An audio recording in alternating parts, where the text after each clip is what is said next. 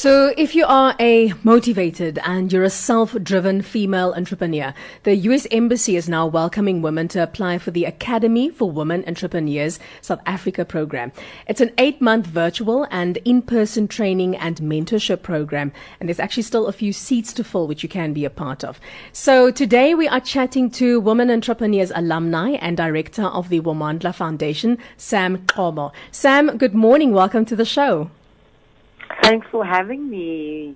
Sam, can you first tell us a bit more about yourself? Why did you choose to become an entrepreneur?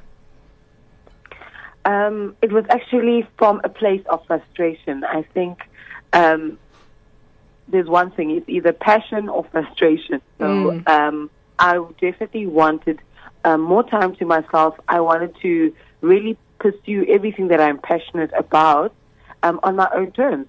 And I just wanted to give myself a shot, and this opportunity came at the right time. Mm-hmm. And what was your experience like in this program? Do you have uh, any awesome highlights that you can share?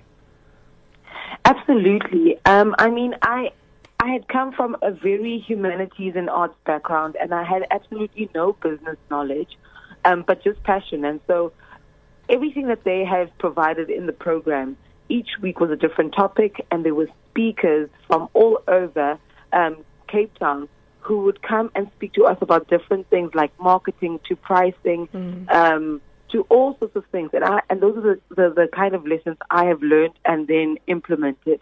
So it really gave me a business basis and then, of course, introduced me to a network of wonderful women and, and entrepreneurs in Cape Town. So, how exactly did you become a part of the program? Well, take us through the steps that you had to follow. So I applied um, through um, um, the the United States Embassy's um, website, mm. and yes, I was selected. So it was not a long application at all, but one that you should really be specific about what your goals um, and dreams are. Okay, awesome. And then I think they, they, at the moment there isn't a cost that's, uh, but there is limited uh, entrance that can be allowed, right? Yes, so it is free to apply. Even mm-hmm. the course is free, um, and they even provide, you know, laptops and everything um, for you to be able. They really put everything in to help us succeed.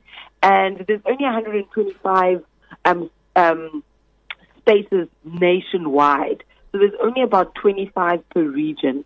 So um, it was quite an honor for me to be chosen as one, knowing that there were so many applications. Amazing. Awesome, Sam. Thank you very much for chatting to us. And uh, it sounds really uh, inspirational. Mm-hmm. An awesome story. Thank you so much.